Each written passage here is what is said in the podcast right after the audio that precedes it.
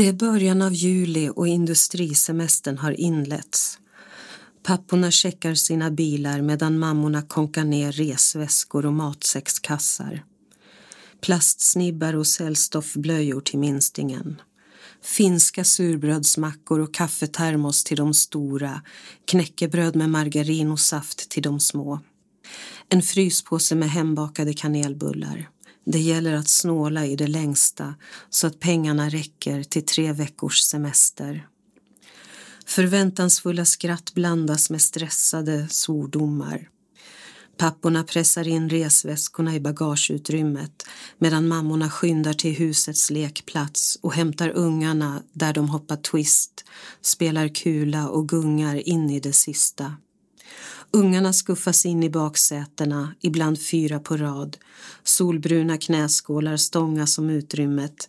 Armarna trasslar in sig medan föräldrarna pressar igen dörrarna till baksätet.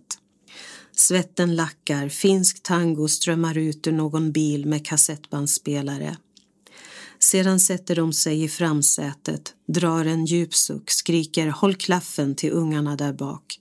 Något barn har snott åt sig en macka som hen tappar i baksätet. Pappan gormar, mamman sliter fram hushållspapper, hoppar ur bilen igen, öppnar bakdörren, torkar ungen och sätet, skyndar tillbaka till framsätet. Kör nu så vi kommer iväg någon gång. Och så rullar bilen äntligen iväg i en först gles karavan som tätnar allt mer med tillströmmande bilar från alla väderstreck ju närmare de kommer Finlandsfärjan. Jag heter Katja Hildén och det här är min mittårsrapport för Teatertribunalen.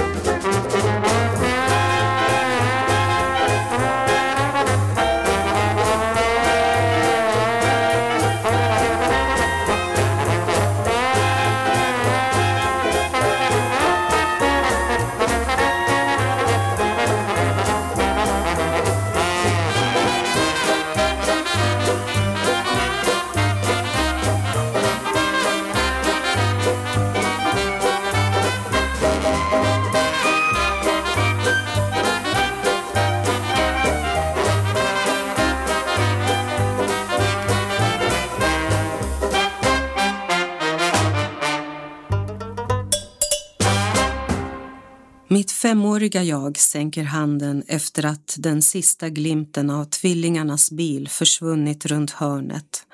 De bor i samma trappuppgång som jag i det lilla miljonprogramshuset på två våningar. I vår trappuppgång på fyra lägenheter bor det 13 ungar. Tvillingarna, deras syskon och föräldrar har levt på stuvade makaroner och ketchup i flera veckor för att ha råd med semestern. Jag är lite avundsjuk på de stuvade makaronerna som jag tycker är jättegott men som mamma tyckte var alldeles för näringsfattigt och omständligt att göra mer än ytterst få gånger under hela min barndom. Det blir tyst i det nu rätt öde lilla kvarteret i utkanten av den gamla bruksorten bara mamma hörs när hon sjunger medan hon snabbt och effektivt städar undan det sista. Nu klockan åtta gick ett tåg men du är ensam kvar och fången i Katerini på perrongen. I morgondimman allt du såg en kniv i hjärtat var den gången i Katerini på perrongen. Alla lägenheter i huset har tre rum och kök oavsett om familjerna är på tre, fem eller sju personer. Mina favoritskivor är På rymmen med Pippi Långstrump och Lena Granhagen sjunger Theodorakis och Bierman. Men för det mesta var jag ute och lekte. Några lekkamrater som hade högst ett syskon gick man hem till och lekte hos en kort stund ibland när det andra syskonet var ute. Mina dagar var tryggt inrutade. Vaknade, fick frukost, ut och leka. Det känns som om jag var ute och lekte nästan konstant mellan fyra och sju års ålder. Middagarna hos kvarterets barnfamiljer serverades ganska tidigt till barnen för på eftermiddagarna gick mammorna till fabriken. Ibland om en kamrat blev hungrig när båda föräldrarna var på jobbet gick man hem till henne och höll sällskap medan hon tog en knäckebrödsskiva med ketchup på. En gång tog min kamrat fram ett nästan oanvänt margarinpaket och tog en sked margarin och stoppade direkt i munnen. Jag tyckte att det inte alls såg gott ut men sa ingenting för hon var ju nästan två år äldre och den populäraste tjejen i kvarteret. Jag fattade heller aldrig grejen med ett tunt lager ketchup på knäckebrödet. Fattade inte att vi allihop var låginkomsttagare men vissa mer än andra. Något som jag däremot tyckte var en kulinarisk matupplevelse var de chilenska piroger jag smakade på Folkets hus chilenska afton. Det började komma flyktingar från Latinamerika och min mamma sjöng Violetta Parras och Victor Jaras sånger när hon stökade i köket eller bara satt och pausade vid matbordet och stirrade ut mot den oändliga himlen alltid på väg någon annanstans i sitt huvud. Hem. Jag snappade upp nya ord och namn. Allende, Pinochet, diktatur, tortyr. Och första majtågen utökades med parollen Chile, Chile, solidaritet. Socialism och militärkupp och militärjunta var däremot gamla välbekanta ord. Jag lyssnade ofta på mammas skivor. Sångerna var spännande berättelser ur verkligheten och melodierna var så bra. Slakthuset doftar som en äng av timjan och i vår cell har himlen färgats röd. Genom väggen förs vårt hemliga språk. Tack, tack slår du, du lever än. Tack, tack slår jag, jag håller ut. Jag packar min lilla resväska i rödmålad papp. En docka, två pippiböcker, ett ritblock, kritor. Mina bröder packar sina ryggsäckar med slangbällor, förstoringsglas, Tintin-album och någon äventyrsbok. Vi ställer oss på rad och mamma borstar igenom våra ljusa kalufser med snabba tag medan pappa kollar igenom biljetterna en sista gång. Sedan tar mamma och pappa varsin kappsäck och så traskar vi iväg en liten bit till den lilla tågstationen. Äventyret har börjat. Till släkten, till kusinerna På väg till resans första anhalt, Stockholms central, passerar vi Katrineholms perrong och jag undrar för mig själv vem det var som knivhöggs där.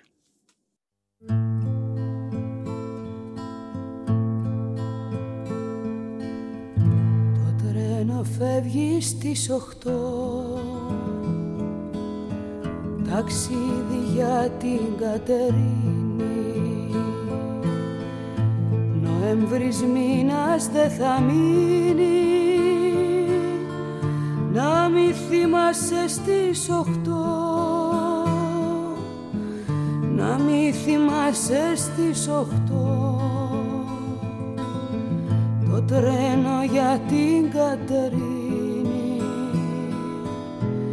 Νοέμβρης μήνας δεν θα μείνει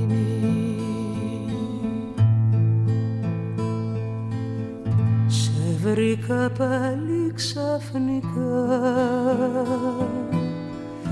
Να πίνεις ούζος του Λευτέρη. Νύχτα δε θα έρθεις άλλα μέρη. Να έχεις δικά σου μυστικά. Να έχεις δικά σου μυστικά θυμάσαι ποιος θα ξέρει. Νύχτα δε θα έρθεις άλλα μέρη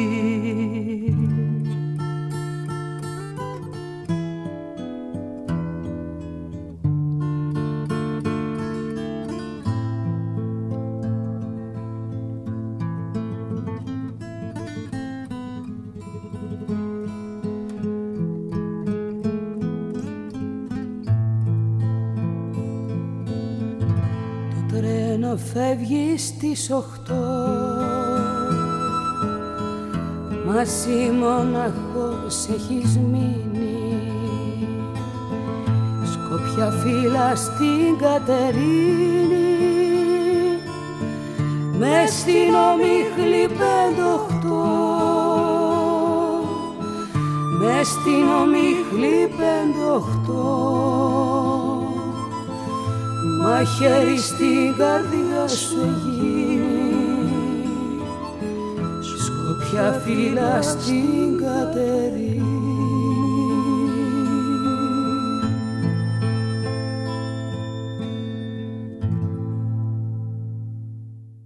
Jag är 52 år, låginkomsttagare med invandrarbakgrund.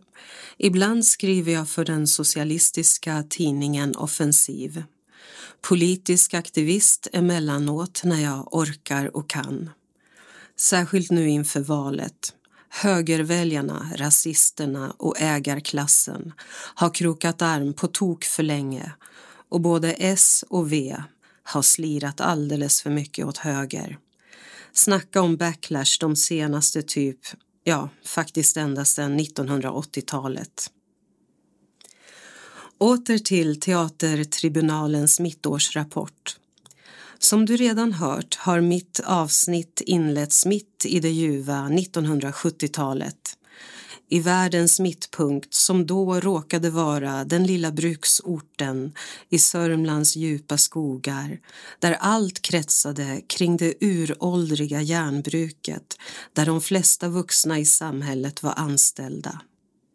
Svenskarna var förmän och mellanchefer och ortens enda överklassare var naturligtvis brukspatronen.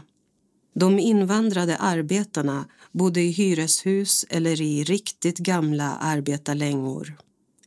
Svenskarna bodde i villaområden och brukspatron i en herrgårdsliknande stenbyggnad omgärdad av en liten park. Fabriken slukade arbetare från jordens alla hörn. Så även mina föräldrar som efter ännu en flytt i den eviga jakten på jobb hamnade här med sina tre barn och jag var yngst. Båda mina föräldrar kommer från Finland men i mitten av 60-talet bodde och arbetade de i Visby.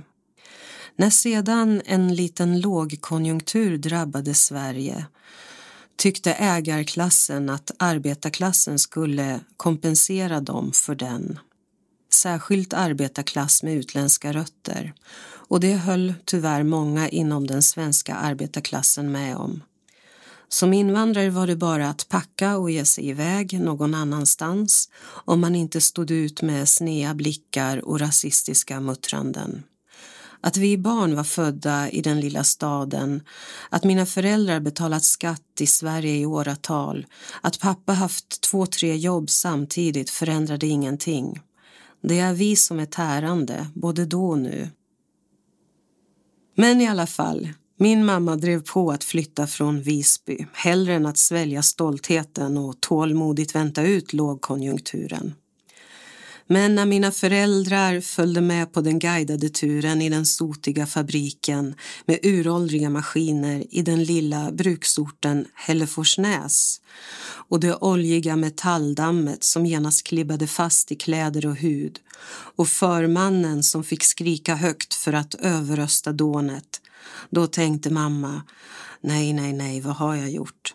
Men det var så dags då. Men för min del är det mer än okej. Okay. Hade aldrig velat vara utan åren på bruksorten. Vi flyttade in i det finska kvarteret som nu nästan 50 år senare fortfarande befolkas av människor med utländsk bakgrund som just kommit till Sverige och svensk-finska pensionärer. De stora skogarna var på promenadavstånd med blänkande skogssjöar och vidsträckta myrmarker. Påminde lite om norra Finland faktiskt och det var många fattiga därifrån som funnit en plats att försörja sig på. Hur slitsamt och monotont arbetet på fabriken än var. Den svenska arbetarklassen hade av förståeliga skäl flytt fabriken så fort de fick chansen. Men i skogarna fanns blåbär och lingon, badsjöar om somrarna och skidspår på vintrarna som då ännu var kalla och snöiga. Ibland skred älgar värdigt genom samhället. En gång satt jag blickstilla på klätterställningen en tidig morgon och tänkte på ingenting. Då flög en rovfågel så nära förbi att dess vingspets nästan snuddade min näsa. Jag minns ännu hur jag stirrade in i rovfågelns ena ljusa öga, det som var vänt mot mig, såg detaljerna i den fläckiga fjäderskruden. På biblioteket tittade jag i en bok sen för att försöka klura ut exakt vilken art det var. Det kunde ha varit en ormvråk eller någon hök. Jag undrar fortfarande vilken det var. Hit vallfärdade alltså folk från Finland, Jugoslavien, Turkiet, Chile, Grekland. Kanske inte helt frivilligt, kanske med fattigdom, diktatur, tortyr, krig hack i häl. Än idag verkar folk vallfärda till det lilla kvarteret i Hälleforsnäs från Somalia, Irak, Afghanistan. Det uråldriga järnbruket är sedan länge nedlagt delvis rivet, delvis ombyggt till butiker, teaterlokal, turistcentra. I slutet på 1970-talet såldes fabriken till Wallenberg för en krona och sen lades den ner. Och vi flyttade igen.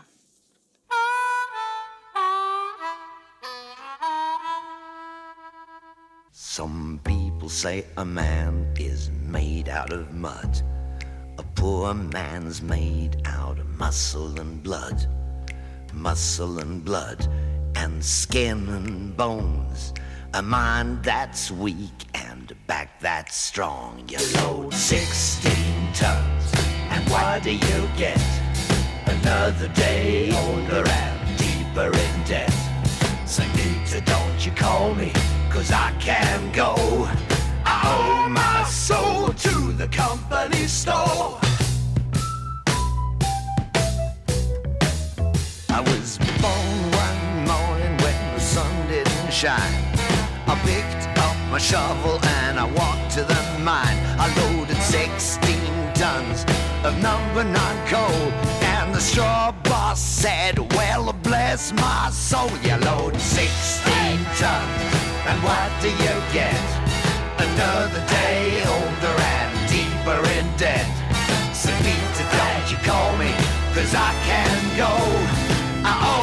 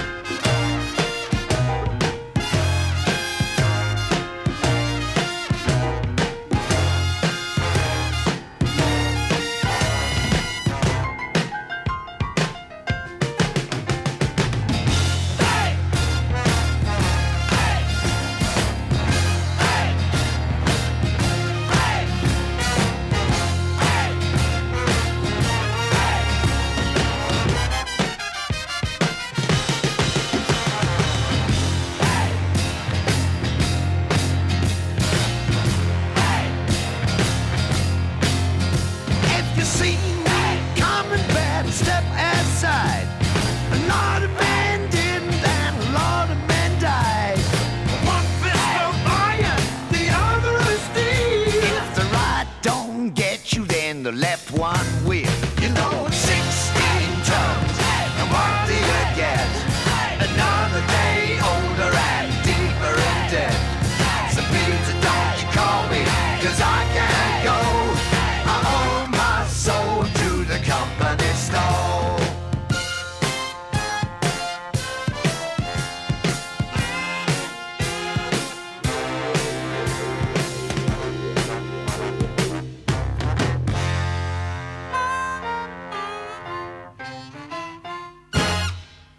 Jag var som sagt för liten för att sörja flytten till Sörmlands djupa skogar.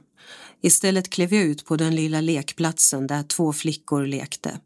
Vi mätte varandra med blicken, utmanade varandra för att visa vad vi gick för och sedan intog jag min plats i gruppen och vi började leka på riktigt och från den dagen kände jag mig hemma. Vi gick ofta till skogsbrynet som på den tiden ännu sträckte sig till baksidan av huset. Där mellan träden skymtade ett ödetorp omgivet av gullvivor på den igenvuxna tomten. Ibland spionerade vi på brukspatronens son. Vi smög omkring i den täta häcken och tittade in i den lummiga parken där han lekte för sig själv eller med sin bror en helt egen park med hur många klätterträd som helst. Sedan sprang vi till tobaksaffären och köpte godis för en tvåkrona. Stod länge och valde godis som kioskbiträdet tålmodigt plockade med en tång och placerade i en liten godispåse. Emellanåt frågade vi hur mycket pengar det var kvar och om det räckte till både en gräddkola och en lakritsfisk och sedan hem till lekplatsen. Vi kastade oss i gungorna och gungade så högt vi kunde och skrålade de finaste sångerna vi kunde. En dag sjöng jag en sång som jag snappat upp från min mammas eviga sjungande. Mina kamrater lärde sig snabbt. Kanske de också hört sina mammor eller mormödrar sjunga den. Vi tyckte den var underbart sorglig den handlade om en liten flicka vars pappa blivit avrättad för att han stred för arbetarnas frihet. Hennes mamma hade dött av all sorg och deras hem hade blivit sönderbombat. Trots allt elände slutade den hoppfullt om drömmen om en framtid då arbetarklassen fått sin frihet och den lilla flickan som genom ett trollslag blev lycklig igen. Då visste jag inte att det var en sång från finska inbördeskriget år 1918 som sjöngs av den röda sidan, arbetarklassens sida. Flickan i sången var en så kallad Puna Orvo, ett föräldralöst barn vars ena eller båda föräldrar stått på arbetarnas sida och som dött i kriget, i koncentrationsläger eller avrättats utan orsak av den ägarklasslojala sidan både under och efter kriget. Barnen till de röda frihetskämparna blev djupt stigmatiserade av samhället och statsmakten och arbetarna som deltagit på den röda sidan förvägrades ofta arbete. Men 18-åringen Urho var däremot en av dem på den vita sidan som lydde order och som efter ägarklassens seger tjänstvilligt radade upp arbetarklasskämpar mot väggen och sköt dem. Han blev sedermera Finlands meste president Kekkonen. Han ångrade ju för sig sin del i de rättsvidriga morden på arbetare efter krigsslutet på äldre dagar, men ändå. Ägarklassen och deras curlare kommer alltid undan med allting. Det behövde gå nästan 70 år innan finska forskare kunde börja studera mer fritt om klasskriget och de vitas övergrepp mot de röda. Och än idag, över hundra år senare, är det fortfarande svårt att ta sig igenom den finska högerns propaganda och urskilja historiska fakta. Sången vi sjöng där vid gungorna handlar om ett löfte till de föräldralösa barnen. Slaktarna som dödade föräldrarna ska straffas och drömmen om frihet ska en dag uppfyllas. En möjligtvis ganska våldsbejakande sång för små femåringar att sjunga.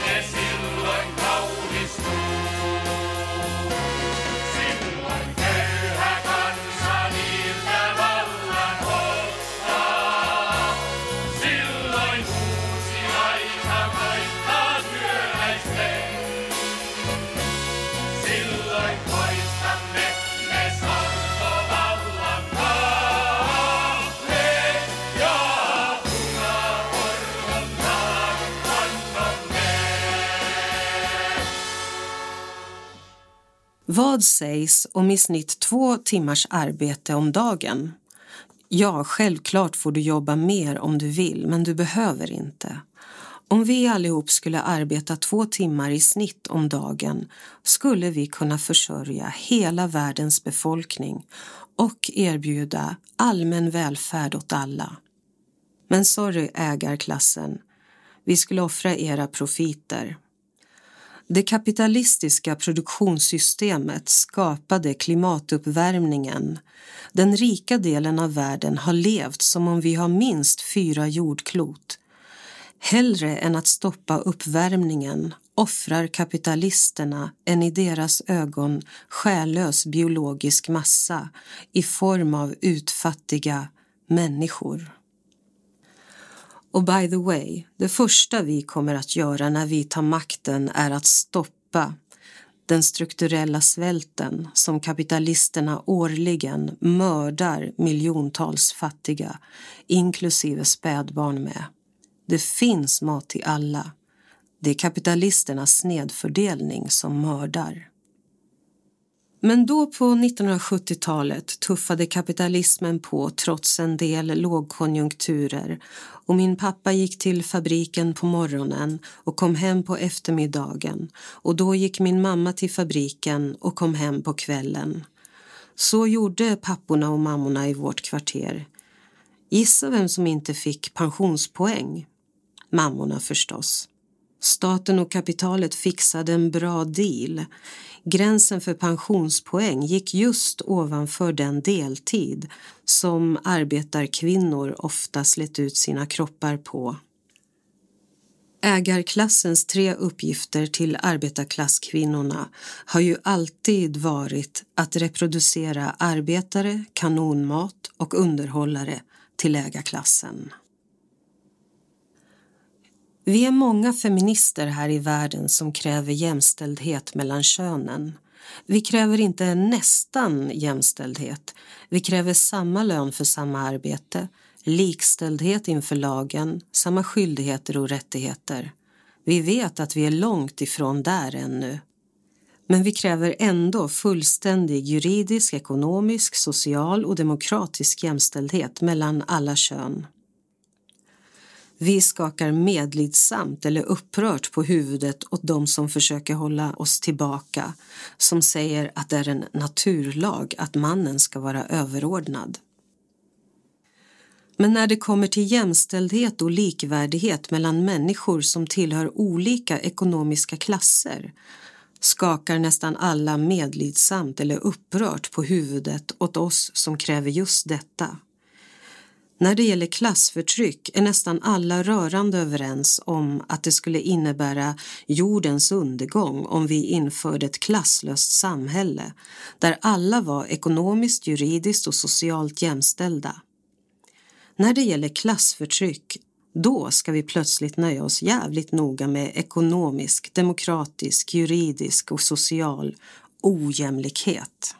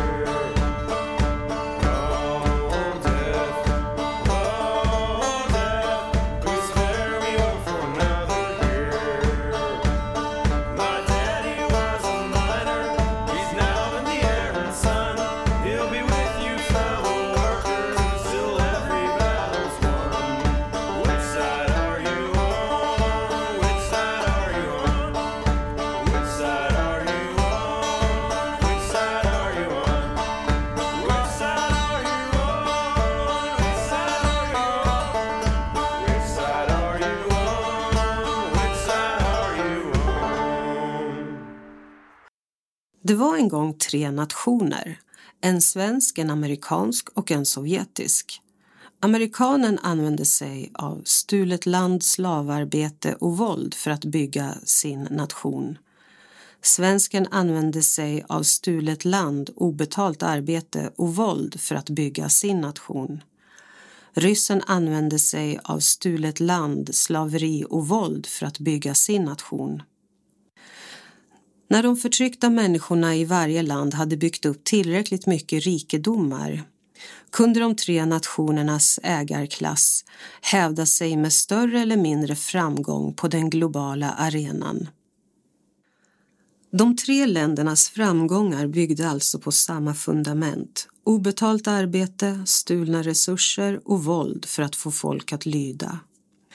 Ändå kallades USA för kapitalistiskt, Sverige för socialdemokratisk blandekonomi och Sovjet för kommunistiskt. Skillnaderna mellan dessa länder var alltså inte ideologiska. Skillnaderna var geopolitiska. Det vill säga platsen påverkade händelseförloppet. Beroende på deras olika geografiska förutsättningar använde de sig av varianter av samma strategier och vid olika tidpunkter. Ett land fick ett försprång på grund av sin geopolitiska position i att ha stulit en hel kontinent och förintat 90 procent av kontinentens ursprungsbefolkning. Ett annat undkom två världskrig och kunde tack vare det bygga upp sin kapitalistiska produktion snabbare. Det tredje landet var begärligt för flera imperialister och behövde bygga upp sin militärmakt och industri snabbare än något av de två andra länderna för att inte bli en lydstat eller koloni.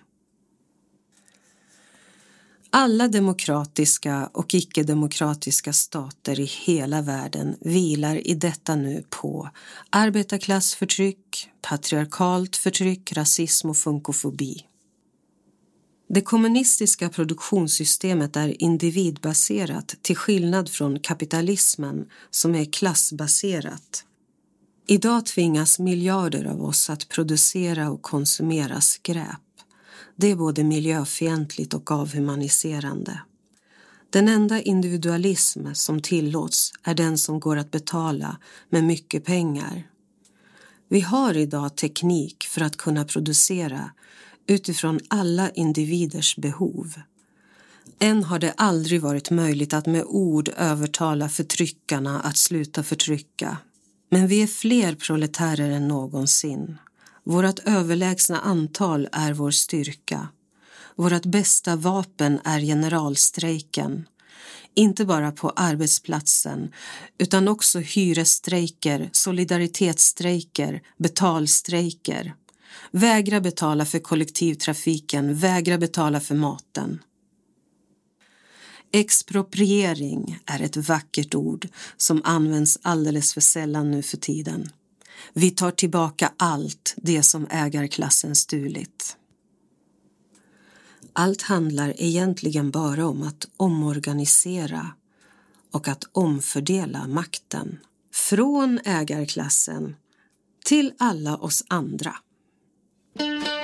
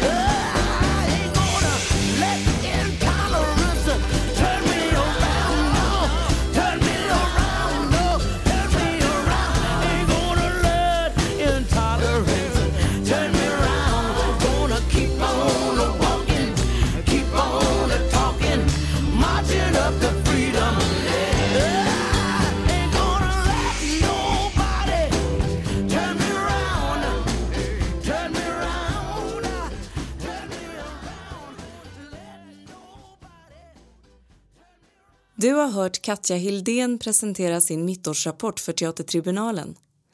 Musiken som spelades var Uusi Säkijärven polka med The Vostok Allstars. Totreno Fevgistis Okto med Haris Alexiou och Dimitra Galani. 16 Tons med CCS.